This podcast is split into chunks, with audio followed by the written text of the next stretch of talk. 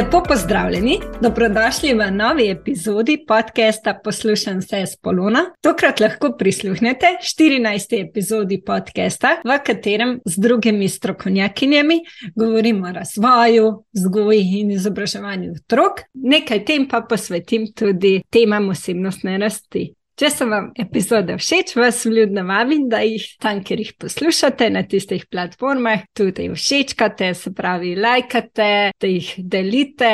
Če jih boste delili, bom zelo vesela tudi, da me označite, tako se vam lahko tudi zahvalim. Na Apple podcastih oziroma tudi na Spotify lahko podcast poslušam vse, tudi ocenite, naprimer s petimi zvezdicami in mi tako pomagate, da epizode sliši še več ljudi. Hvala. Zelo sem vesela vaših vprašanj, mnen, komentarjev, tako da res vljudno vabljeni k postavljanju vprašanj. Na vse poskušam odgovoriti čim prej. Uh, najlažje vidim ali na Instagramu ali na Facebooku. Tokratni pogovor bo s strokovnjakinjo za vzgojnega področja.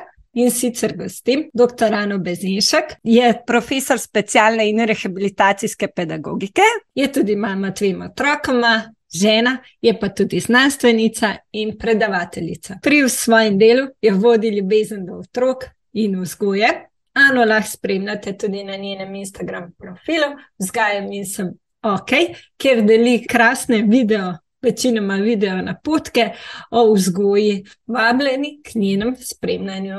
Danes se bomo v današnjem pogovoru osredotočili na to, kako otroka pohvaliti, če in kdaj uporabiti nagrade, ter kakšne naj bodo, kako, kako reagirati pri vedenju, ki ni želeno, ter še v bilo drugih napotkov. Ana, lepo pozdravljena. Lepo pozdravljena, Polona. Uh, res srčna hvala za tole vabilo. Sem bila zelo vesela, da sem prejela, poslušam, pika se vabilo, pogledam in se rekla, no, to pa bo nekaj krasnega, da lahko morda, bom rekla, opolnomočim tudi druge starše no, z tega področja. Vse tako, kot si že povedala, sem v različnih vlogah, kot žena svojemu možu, potem imam dva res dva pač majhna otročka štiri leta je sin star in oh. pa punčka leto pa pol. Uh, tako da je ta le vloga mame potem prinesla tudi nekaj novega v moje uh, življenje. Zdaj v, sami, um, samem službenem času ne, uh -huh. pa mhm. spet zauzemam druge vloge. Uh, tam pa delam bolj za otroci, ki imajo posebne potrebe. V že dolgoletnem obdobju preučujem, raziskujem in tudi delam z otroci, ki imajo predvsem razvojno-nevrološke motnje. Uh -huh. uh, avtistične motnje. Tako da delam tako v ambulanti za avtizem na Inštitutu za avtizem, Zavodu za razvojno medicino Ljubljana in pa potem tudi na pedagoški fakulteti, kjer sem kot asistentka in skušam potem seveda te neke napotke predati tudi. Študentom. Zdaj, kot mamica, ne, ko sem pa dobila ta dva čudovita otroka, pa potem nekako vse to znanje, ki ga imaš, uh, nadgradiš in ga skušaš modificirati pri svojem pristopu, pri, pri svoji vzgoji. In ko smo mamice vozičkale, smo večkrat potem tudi, seveda, si podelile kakšne izkušnje.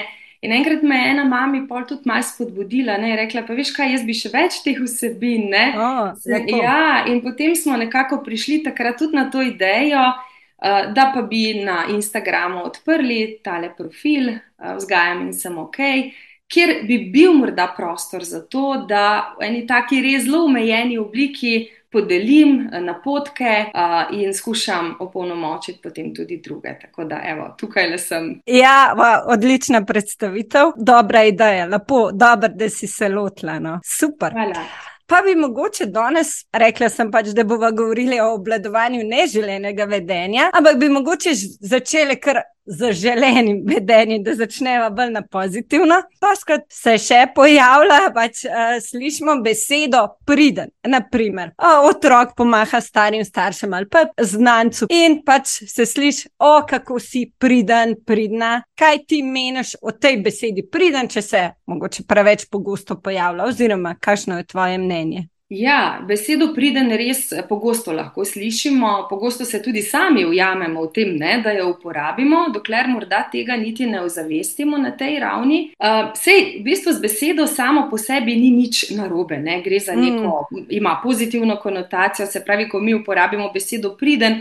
Na ta način v bistvu nekaj dobrega otroku sporočamo. Zdaj, tu pri uporabi te besede vidim en drug problem, ne, da je Eh, beseda morda zelo nedoločena. Se pravi, mi ne mhm. vemo točno, kaj se za tem skriva. Ne? Zdaj, kadar jaz rečem, da je moj otrok priden, to morda pomeni nekaj drugega, kot takrat, kadar uh, to reče uh, moj mož, ali pa morda takrat, ko to reče vzgojiteljica ali pa učiteljica. Ne? Se mi zdi, da vsak ima neka svoja pričakovanja, ki se skrivajo za tem. In seveda, ko mi tako nasplošno otroku rečemo, potem otrok tudi težko razume, kaj izmed uh mhm. -huh. tistega, kar je naredil, je bilo dobro, da bi to v prihodnje tudi ponovil. Uh -huh. Tako da morda eh, se mi zdi, da je ta problem, ne, da eh, ne ve točno, kaj se skriva za tem. In uh, seveda, na kak način pa zdaj to premustiti? Mislim, da je pač smiselno, da to besedo konkretiziramo in mi povemo, kaj je dobro naredil, ne? s čim smo mi bili zadovoljni. Uh, prej je bil primer, da je pomahal. Krasno si pomahal, ne, ne vem, učiteljica, poglej. Um, otroci ste pridni takrat, ko sedite, uh -huh. dvignete roko, če želite kaj povedati, takrat, ko ne vem, se ustavite, če je vrsta. Na takšen način mi povemo, kaj se skriva za to besedo, da bo otrok na nek način uspešen in priden. In zdaj, ko otrok razume, kaj se skriva za tem, pa mi v bistvu s tem spostavimo tudi neke vrste varno okolje. Zdaj, če jaz vem, kakšna vedenja so tukaj zaželjena, potem na nek način, če temu sledim, sem priden. Uh -huh. In s tem sem zadovoljen jaz, ker vem, kaj me čaka, in pa tudi učiteljica ali mami, ki je na drugi strani, ki mi je postavila v bistvu to zahtevo. A, zelo dobro, si to povezala, v bistvu, ja, da res tudi s tem ustvarjamo varno okolje. Otrok točno ve, kakšne so naše pričakovanja, naše zahteve. Ja, se v bistvu tudi sistem deluje tako. Zdaj, recimo v bloku, ne, mi smo imeli v bloku, ko smo še živeli tam, je bil hišni red. To pomeni, česa se je treba držati, zato da smo tam v redu. To, to je zelo podobno in tudi mi lahko otroko zadeve napišemo, uh, morda takrat, kadar potrebujemo malo bolj konkretno na podoben način. No. V bistvu je to, da moramo res konkretno, tako kot si prej, mi je bilo zelo všeč, no, ker si podala res konkretne primere, ja, kako ja. konkretno, čim bolj vedenje, oziroma kaj želimo poudariti. Ja. Kako pri pohvalah, pri želenem mhm. vedenju, kaj se ti zdi, da bi izpostavila, da je še zelo pomembno? Mhm. No, zdaj, lahko se navežemo tudi na prejšnjo. Ne? Eh, tudi pri pohvalah je enaka zadeva. Ne? Se mi zdi zelo pomembno, da mi res otroku jasno povemo, kaj smo pohvalili. Ne? Uh, recimo, ne vem, zdaj želimo, da se otrok usede, zdaj ali rečemo samo priden si, ali pa na drugi strani rečemo, lepo si se usedel. Ne? Je to čist ena druga zgodba, ker mi konkretno spet pohvalimo tisto vedenje, da otrok ve, kaj je pač naredil dobro, da smo mi s tem pač tudi na nek način uh, zadovoljni. Ne?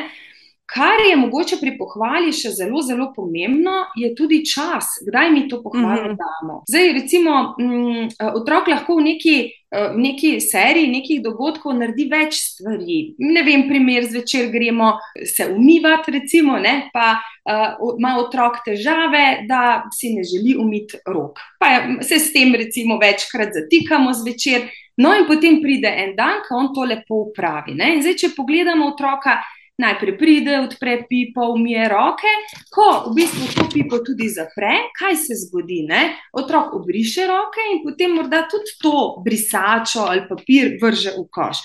In če mi pohvalimo še lepo, ko vse naredi do konca, ni točno jasno, kaj smo pohvalili. Sploh, če pohvala ni tudi konkretno uh, povedana. Tako da tu se mi zdi, da res takrat je treba pohvaliti, ko se to zgodi, da otrok to dvoje res poveže dejanje, ki ga je naredil, in pohvala, ki se je v bistvu takrat tudi pojavila. To, to je tudi ena, zdaj, glede samih pohval, je tudi ena taka zadeva.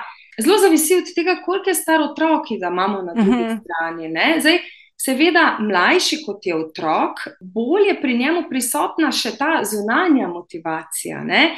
In eh, kaj to pomeni? Se pravi, da otrok rabi zelo konkretno biti pohvaljen, da bo razumel, da je nekaj dobro naredil. Ne? In sama ustna pohvala, ki je največkrat podana, uh -huh. tako je morda lahko tudi premalo. Uh -huh. Je pa pomembno, da jo vseeno pridružimo. Recimo, če je majhen otrok, pa mu damo štampilko, to je, ali pa nalepko, to radi damo. Ne? Damo otroku štampilko in ga zraven tudi pohvalimo. Pridružimo to našo pohvalo besedno temu dejanju, ki je malo bolj konkretno. In ko bo otrok rastel, ko bo malo večji, bo v bistvu ta motivacija prehajala iz te mhm. zunanje v bolj notranjo. In čez čas bomo lahko upustili te nalepke, štampilke in tako naprej, in bo pohvala kot neka socialna zadeva, ki se pojavi, lahko čisto dovolj, da bo otroku dala vedeti. Da je to nekaj dobrega. In se bo rekel, ah, takrat, ko sem dobil nalepko, sem bil pohvaljen, to spada skupaj. Se pravi, naredil sem nekaj dobrega.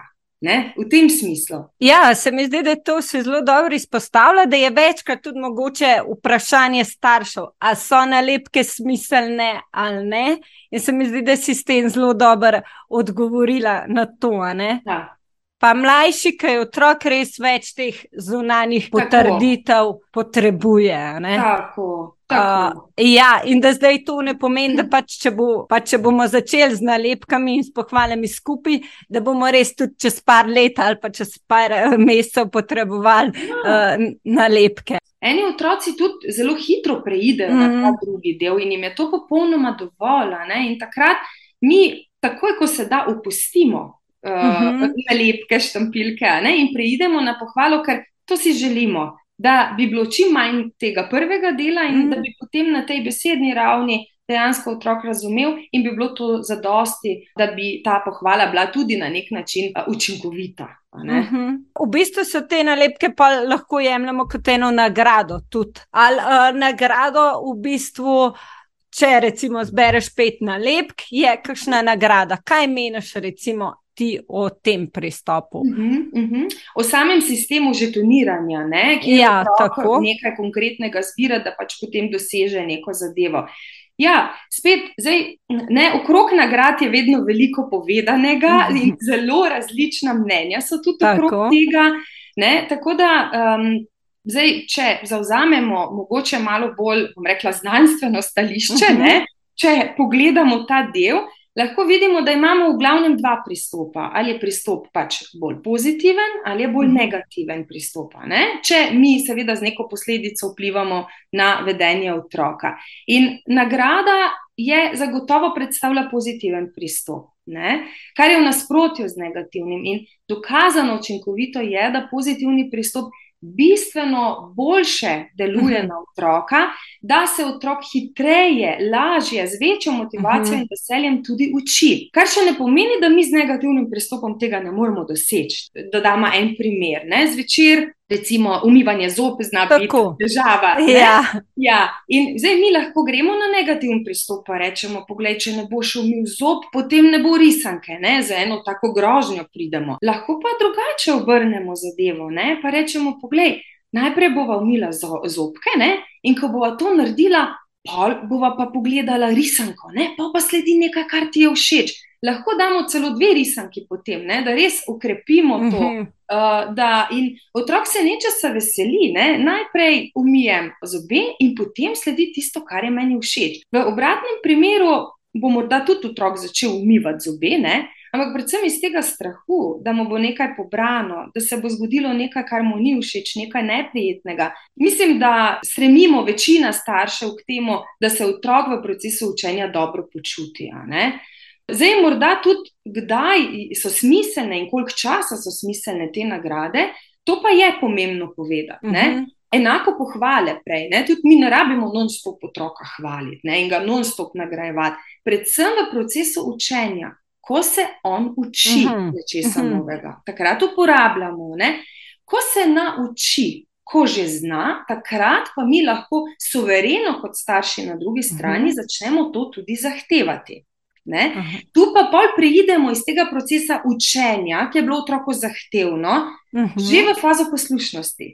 Ali imamo to avtoriteto, ali nam otrok sledi, Ker še ne pomeni, da nikoli ne smemo uporabiti kakšne nagrade ali pa motivatorja, uh -huh. da mhm. nam bo sledil, ampak bistveno manj kot je to potrebno v fazi samega učenja. Ker takrat vem, da otrok to zna, da on to zmore in lahko to na nek način sovereno od njega tudi v bistvu uh, zahtevam. Uh, tako da tu, tu smo vedno v enem takem dvoreznem eh, meču, no? kaj uh, uporabimo in kaj ne. Zdaj, morda nagrada, to bi, to bi lahko še tudi izpostavili, morda nagrada ni ravno pravi izraz, ki ga mhm. uporabljamo. Uh -huh. Tukaj govorimo bolj o nekih motivatorjih. Uh mhm. -huh. Ker nagrada lahko predstavlja nekaj, kar nam je všeč, ni pa nujno tista, ki bo uh, spodbudila, da bomo mi z nekim vedenjem nadaljevali v prihodnje. Včeraj smo ravno za hčerko skakali na trampolino, ne? ona ima to zdaj zelo rada. Ampak nekako je bila prestrašena, ni upala skakati. Ne? In je vedno pri strani sedela, se bolj držala, pač deklica bolj eh, tako, ne, zadržana. Držan. Ja, tako ne. In so rekla, zdaj bomo pa mi dve probale se malo spodbuditi, da pa ona bi začela z tem. Ne? In sem jo dala na sredino in sem najprej tudi pomagala, smo začele malo skakati. In takoj, ko je pokazala malo tega svojega interesa, sem jaz to nagradila. Ne? Pa sem jo žgečkala, prevrnila na tla ne? in pa smo mi dve imele te dinozaure, ki hodijo, ne? se je smejala, je bilo glasno zanimivo.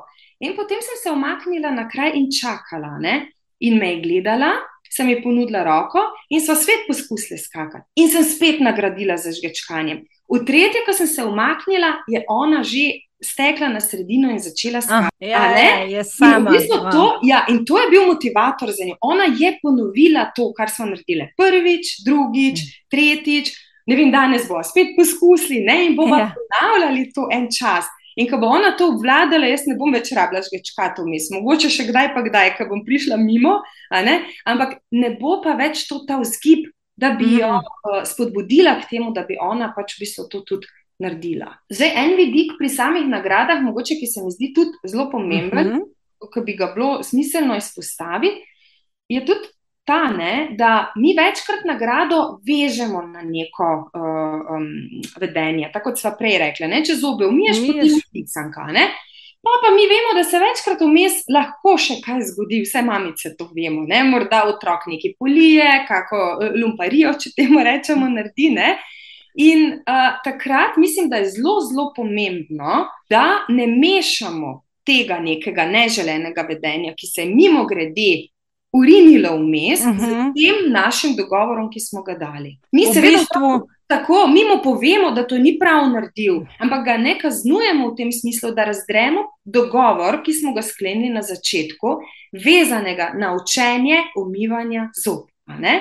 Ker sicer bomo izgubili to zaupanje. In če nismo mm. fair tudi do otroka, nam otrok prihodnje ne bo sledil, ker bo rekel, vse brez veze, itak vedno nekaj pride vmes, da pol do tega ne pridem. In tu moramo biti zelo, zelo dosledni, da tisto, kar sklenemo, nek dogovor z otrokom, da se tega tudi držimo.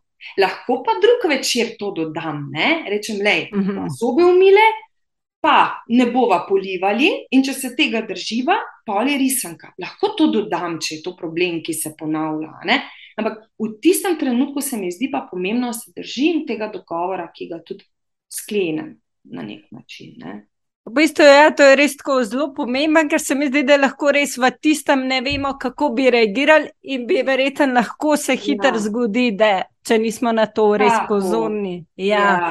E, pa tudi to je, ne? mi večkrat uh, ciljamo samo na te zunanje nagrade. Rečemo, da zdaj hmm. otroka nagradimo z, z nečim, ne? mu nekaj damo. Večkrat je nagrada že lahko v bistvu zelo naravna, sama po sebi. Recimo, ne vem, primer. Recimo, otroka želimo odvaditi, pije po steklenički, pa ga želimo navaditi, da bi pil na, po kozarčku, iz kozarčka. In um, mi lahko malo izkoristimo uh, v bistvu to neko naravno posledico, ki se bo zgodila, ne, in rečemo, ok, moj otrok rad pije vodo, zelo ima pa rad tudi jagodni čaj, to ima tudi zelo rad. In zdaj jaz lahko malo uh, pogolofam, ne, da si pomagam na ta način in jagodni čaj dam v kozarec, medtem ko v stekleničko dam vodo. In mu rečem, le, pridi, bo poskusila piti iz kozarca. In v bistvu že ta vsebina, ki je v samem kozarcu.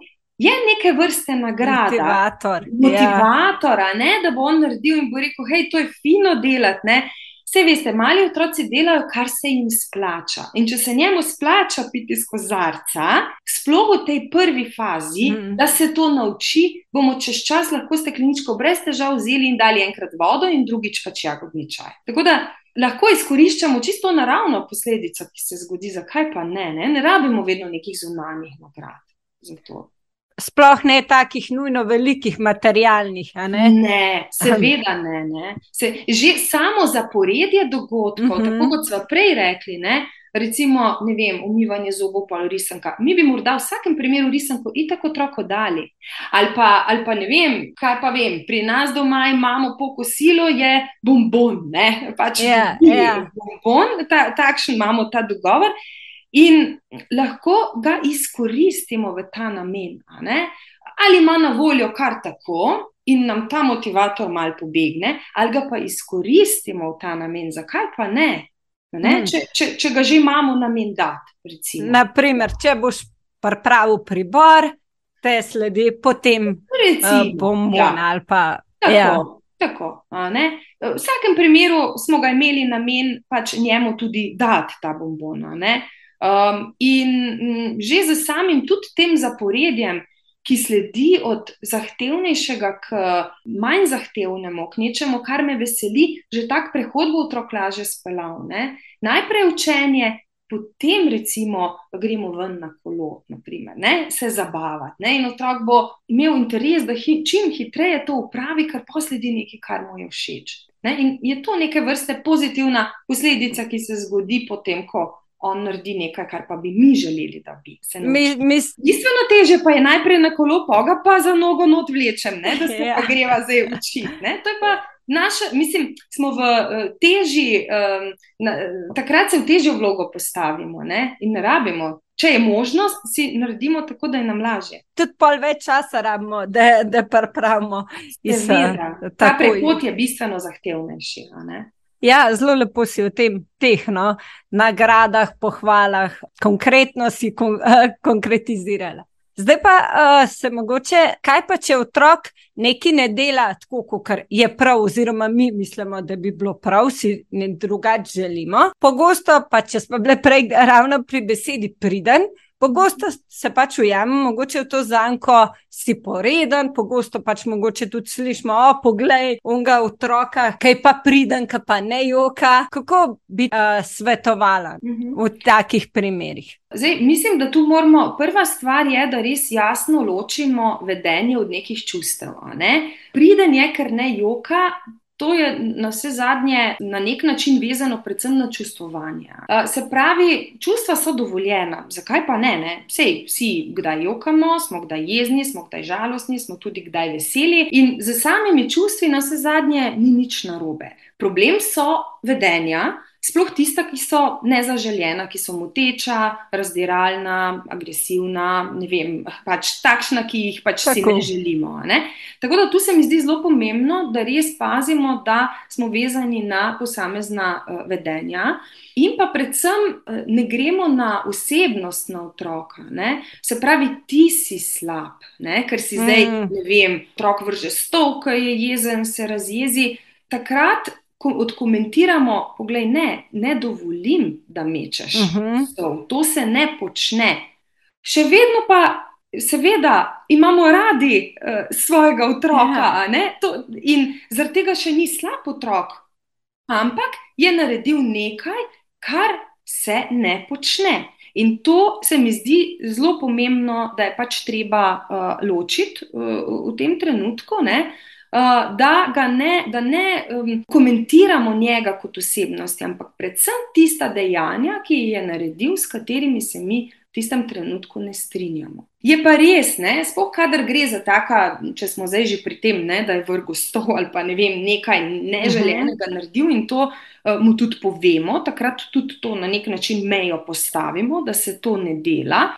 Veliko krat na tem mestu pa pozabimo otroku povedati, kaj pa naj naredi, da bomo pa to obrnili. Mm, da, pa želimo. Tako, da, kaj pa želimo, da bomo pa mi v tistem trenutku zadovoljni. In takrat mi, poglej, ne, otrok eh, tudi skače, recimo na sedežni, rečemo, ne, ne dovolim skakanja, sedi.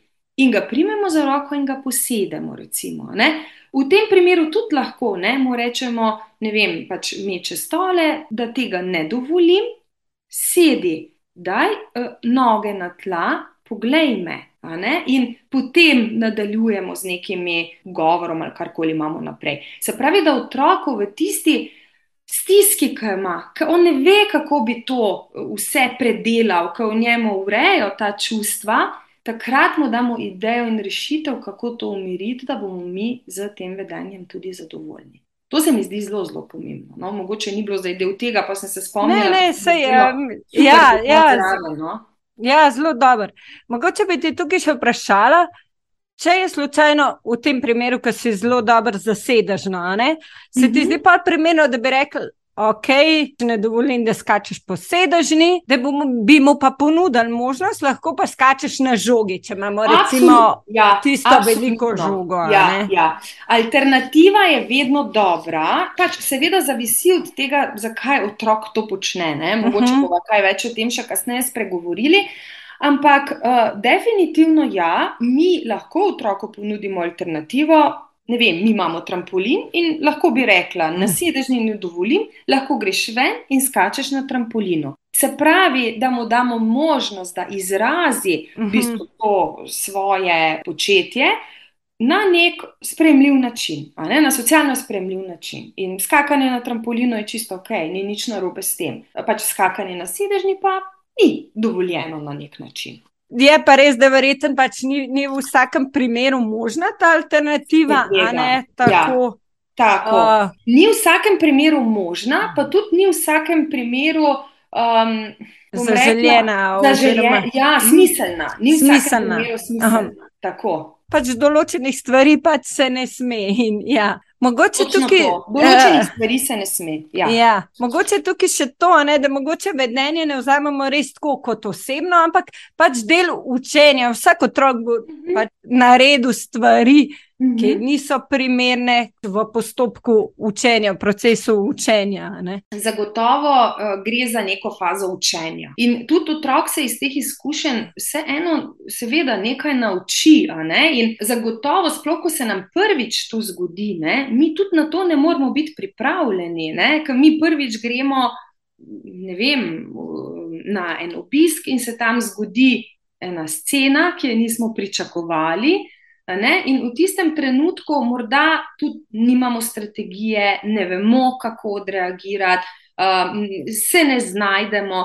Smo pa dobili pomembno izkušnjo, tako mi, kot tudi otrok. Veliko krat se zgodi, da otrok ponavlja potem te zadeve. Uh -huh. Ker bomo naslednjič spet šli na obisk, morda se ni želel sezuti, morda ni želel tam igrati, deliti ali nekaj se je zgodilo, se pa mi na to lahko vnaprej pripravimo. Prva izkušnja je bila pa izkušnja za oba. Tako za me, kot tudi za njega. In morda bo že dovolj zadostna, da se je on že iz te izkušnje naučil, zakaj ni bilo vredno in zakaj se to ne splača početi. Morda bo pa potreboval še nekaj teh ponovitev, kjer bomo pa mi lahko drugače odreagirali, ker bomo na to tudi drugače pripravljeni. In uh, bomo o tem um, premišljali, morda potem zvečer, ko bomo prišli domov, pa še drug dan nas bo mal tiščalo, ne? kako zdaj to ne bomo tuhtali in bomo naredili neko strategijo, nek načrt. Kaj bi pa naslednjič lahko, in bomo bistveno bolj opremljeni, ko se bo to tudi zgodilo. Ne? Verjetno, kot si tudi rekla, glede na to, da je prvič, prva izkušnja za oba nova, nekaj novega, verjetno tudi ne smemo biti prestrogi do sebe. Tudi ne vem, če naprimer tako. prvič ne naredimo tako po, po čist po teoriji, oziroma tako, yeah. kot pač bi si želeli, imamo mm -hmm. pač vedno možnost popravnih izpitov. Točno to. In jaz tudi dam svojima dvema otrokoma tudi možnost, da popravita. Ne? Ampak jim dam jasno jasno sporočilo, jasno jim dam vedeti, to se ne počne. In potem jim dam še eno priložnost, kjer imata možnost se ustaviti ali pa narediti nekaj mhm. drugega. Uh -huh. Zdaj, včasih temu sledita, včasih ne, ne. In takrat, ko ne sledita, je seveda pač potrebno odreagirati. Kadar pa sledita temu, pa se je prvič morda ni vedel, ali pa se je spozabil, ali pa pač to je otroka, ne, ki se razvija, ki se uči. uči. Meni se ne zdi nič slabega, da uh, mu damo kot neko uh, opomnik, opozorilo, neko jasno sporočilo in mu pomagamo, da po tej poti potem tudi gre. Ne, zakaj mm. ne? Ja. Verjetno je zelo pomembno, no, recimo, če damo zahtevo, da se potem te zahteve tudi ja, potem držimo. Če bo vadala, kakšen, mogoče daš kakšen konkreten primer. Definitivno, recimo, ne, sej, tukaj se včasih zgodi tudi, da zadevo ne moremo izpeljati do konca, in takrat se mi zdi, da imamo največje občutke eh, neuspeha. Uh -huh. uh, ne, recimo, otroku rečemo naj pospravi, nam se pa mudi nekam. Ne? Uh, je treba doma pospraviti, čas nas lovi, sej vemo, vse nas prehiteva življenje. Ne? Na neki točki morda ni več časa, da bi ustrajali pri tej zahtevi, ker moramo nek opravek narediti, nekaj drugega storiti. Ne? In v tistem trenutku je čas vedno dejavnik in v bistvu naš zaveznik uh -huh. v mhm. tem primeru. Ne? In ne rabimo biti prestrogi do sebe. Ok, poglej, tukaj bova pustila, zdaj moramo iti babici po te in te stvari, tako kot smo dogovorjeni, da ne bova zamudila, ampak tisto pustimo tam, tiste igrače mm. pustimo razmetane tam. In ko se bomo vrnili, bo pa potem pospravil, nič hudega. Bistveno je, da je to sporočilo jasno. Če smo mi dali to zahtevo, da bo on pospravil sam, lahko gremo tudi v kompromis, ti pomaga, eno jaz, mhm. eno ti, uh, ne vem, skratka, prilagodimo, če mu je težko, zminimaliziramo. Ampak bistveno pa je, da on to zahtevo tudi izpelje in da mi pri njej ustrajamo. In če ne zmoremo zjutraj, ko se nam mudi v službo, bo pa potem popoldan. To. Včasih se to da, včasih se ne da, ampak najhujše je tisto, ki pol ne gremo in mi pospravimo na mesto otroka, ker ni bilo več časa ali pa energije, ali pa so prišle druge stvari. In lahko spet izkoristimo novo motivacijo. Ne? Pridemo domov in potem se naš otrok spomni, da on bi pa zdaj tiste puzle imel iz police, mami, a greva se stavljati. In mi ne rabimo nič zelo namerno, ampak čisto lepo rečemo, da ja, je to krasna ideja, bo šla se stavljati, ne, ampak veš kaj, Najprej moramo še pa pospraviti kocke, to te še pa čaka. Bova najprej pospravila, pa bova pa dala puzle dol. In morda, ko otrok mal popusti tista ne, togota, ki je bila takrat in ki se on zafiksira in uh, se ne da, ker ustraja ne, pri svojem, uh, bo morda to mal spustilo in bo pa lažje to tudi naredil. Tako da tukaj eh, je čas eh, naš zaveznik, ne, ne rabimo ga vzeti kot sovražnika, če se nam mudi. Uh, res se mi zdi zelo dobro, no? zelo si dala tako, tak primer, no? kar res nam večkrat tako čas bi rekla, ja. a ne smo vezani na kakšno aktivnost naprej. In mogoče res v tistem mislimo, da je najbolj, da mi pospravimo, ampak ja, da lahko v bistvu to tako izpeljemo, da potem otrok in mogoče bomo res čez nekaj časa pa lažji in ga v bistvu tako, kot si ti dala primera, ne, ga bo spet čakala ena aktivnost. Ki ga bo motivirala, oziroma se bo veselila. Tako, tako. Ne? In bo, takrat bo, bo, bo, bo spet čist ena druga situacija, ki bo bistveno lažja za nas, bomo, in tudi za otroka. Še vedno bomo pa dosegli tisto, kar smo si pač tudi eh, sami na nek način zastavili.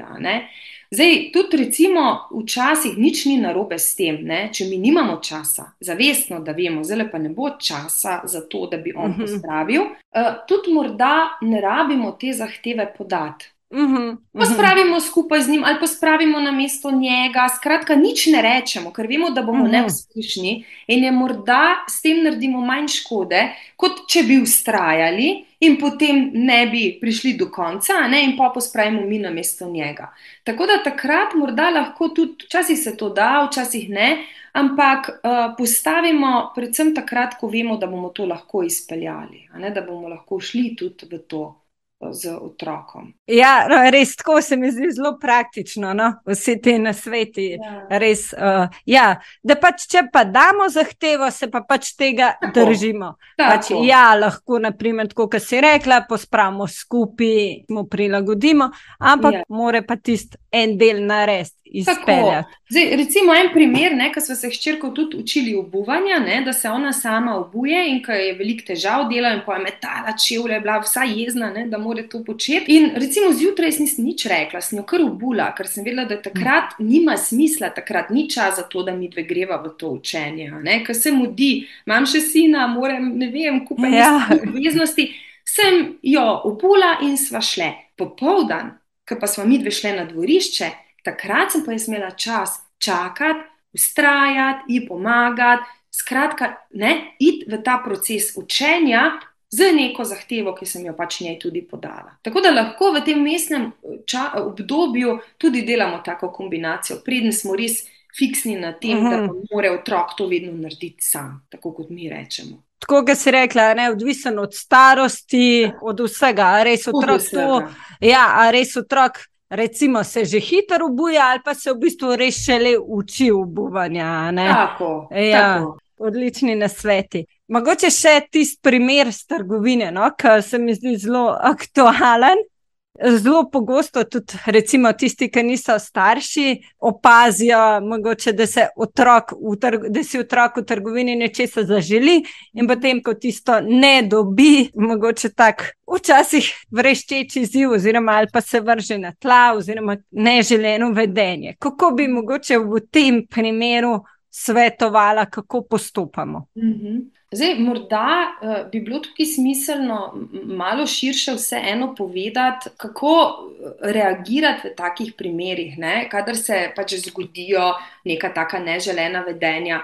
Recimo v tem primeru je zelo pač jasno, zakaj je otrok to naredil. Ne? Otrok je videl čokolado na polici. Eh, tako kot si rekla, ne, to si je zamislil in to si želi. Ne, in je to v bistvu tisti vzrok, ki vzdržuje zdaj to neko njegovo vedenje in se je zaradi tega to tudi pojavilo. Zdaj, vemo, da v trgovini se lahko otrok meče na tla tudi zaradi drugih razlogov. Ni mhm. nujno, da je to zaradi tega, ker si želi nekaj. Lahko mi morda poklepetamo z neko prodajalko, srečamo koga, ne, uh, in v tistem trenutku nima naše pozornosti in išče našo pozornost, ne, je razlog čiste. Uh mhm. -huh. Uh, lahko morda v tistem trenutku, ne vem, mu damo zahtevo, poglej, da je te stvari not v košarico zloži, in on ne želi tega narediti in skuša pobegniti pred to uh mhm. -huh. zahtevo. Se pravi, ti uh, vzroki, zakaj se otrok vrže na tla v trgovini, so lahko zelo, zelo različni. In zato ni instant odgovora, kako odreagirati, ko se mhm. otrok vrže na tla v teh različnih primerih. Zdaj, recimo, ko si želi nekaj oprijemljivega, recimo čokolado, takrat je najbolj smiselno, ko pač mi prvič to doživimo v trgovini, rečemo, ok, očitno ima s tem naš otrok težavo, ne? ima neki ziv, ki vidi nekaj stvari, ki so mu všeč. Se pravi, moramo postaviti neko pravilo, moramo morda skleniti nek dogovor.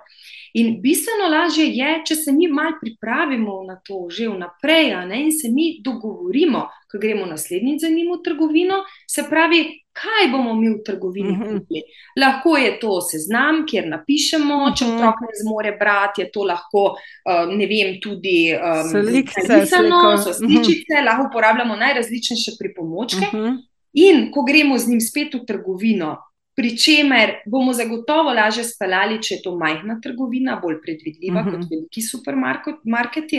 Za tiste otroke, starše, ki imajo otroci veliko težav, priporočam majhne trgovine, ker so obvladljive in je lažje potem to tudi izpeljati.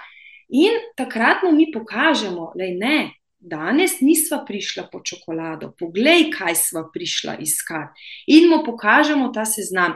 In na avtomatsko mi damo stran od sebe to. Lej, jaz bi tudi, jaz bi tudi čokolado, pa bombone, pa še druge stvari, ampak nimava denarja, mi dva smo vzela za tisto, za kar sva se dogovorila. To bova mi dva danes kupila. In ko otrok to konkretno vidi, nekje napisano, uh mhm. -huh. ker lahko smo mi tudi empatični do njega in sočustvujemo z njim v tistem trenutku, je to bistveno druga zgodba ne, mu pokažemo. Lahko gremo v kompromis, če je zelo hodo in mu rečemo, da tukaj smo dali tudi, da bomo neke pekovske recimo, izdelke. Ne, si lahko zbereš, ali boš žemljico, ali boš čokoladni rogliček, recimo, mogoče uh -huh. si pa tukaj kaj od tega zbral. Ampak za to čokolado pa se danes nisva dogovorila. Lahko pa se dogovorimo, kdaj jo bova kupila.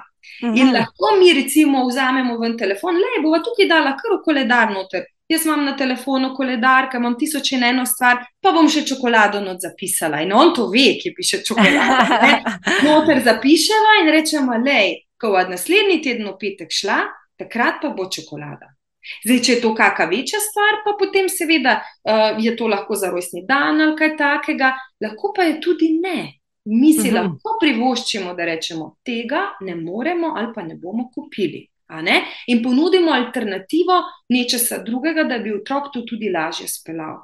Zdaj, zavisi pa seveda od tega, kako daleč pol to gre. Ne? Zdaj je otrok agresiven tam do nas, a brca, grize, ne vem, kaj počne. Ne? Tiste pa pa že druga zgodba, kako v bistvu pa te agresivne vzorce tudi uh, spet uh, modificirati, spremenjati, uh -huh. preoblikovati.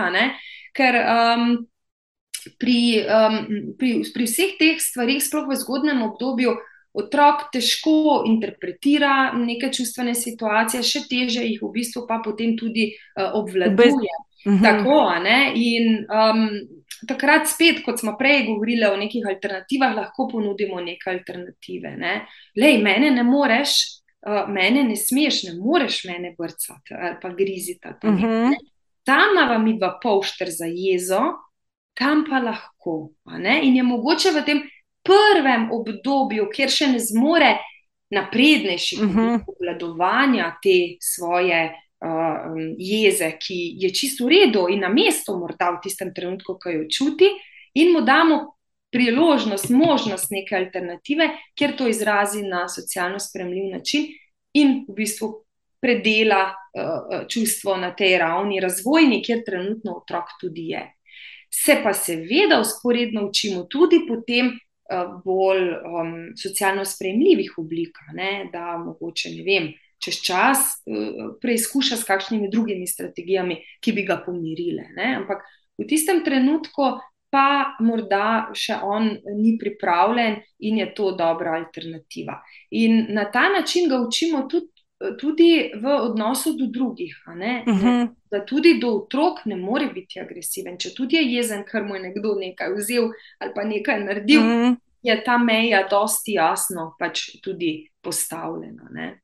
Uh, tako da, mm, ja, tukaj, sploh pri postavitvi teh mej, meja, ne, um, ali je to agresija ali kakršne koli meje, vse to, kar smo danes govorili, mislim, da je tu res zelo pomembno, da smo tako na nek način zelo odločni, ko to naredimo, da to mejo odločno uh mhm. -huh. postavimo. Pravi, zdaj, če smo mi ne samozavestni in ne prepričani, in otroka sprašujemo v tistem trenutku, bomo zelo težko to dosegli. Takrat, eh, če potrebujemo tudi to, lahko gremo v kopalnico, se pogledamo v gledalnico in rečemo, da je prav, to moram narediti. Ne? Da dobimo to samozavest in zdržati z glasom, za vso pojavo to tudi spelje. Mm -hmm. In po drugi strani smo pa tudi spoštljivi do otroka. Moramo biti pa tudi spoštljivi. Se pravi, da skrbimo za to, da ne postavljamo sebe v vlogo neke žrtve, drugi, po drugi strani tudi čuvamo otroka, ne? ampak postavljamo te zdrave meje in tukaj prevzamemo to odgovornost kot starši tudi na sebe. Tukaj težko mi prelagamo to odgovornost na otroka.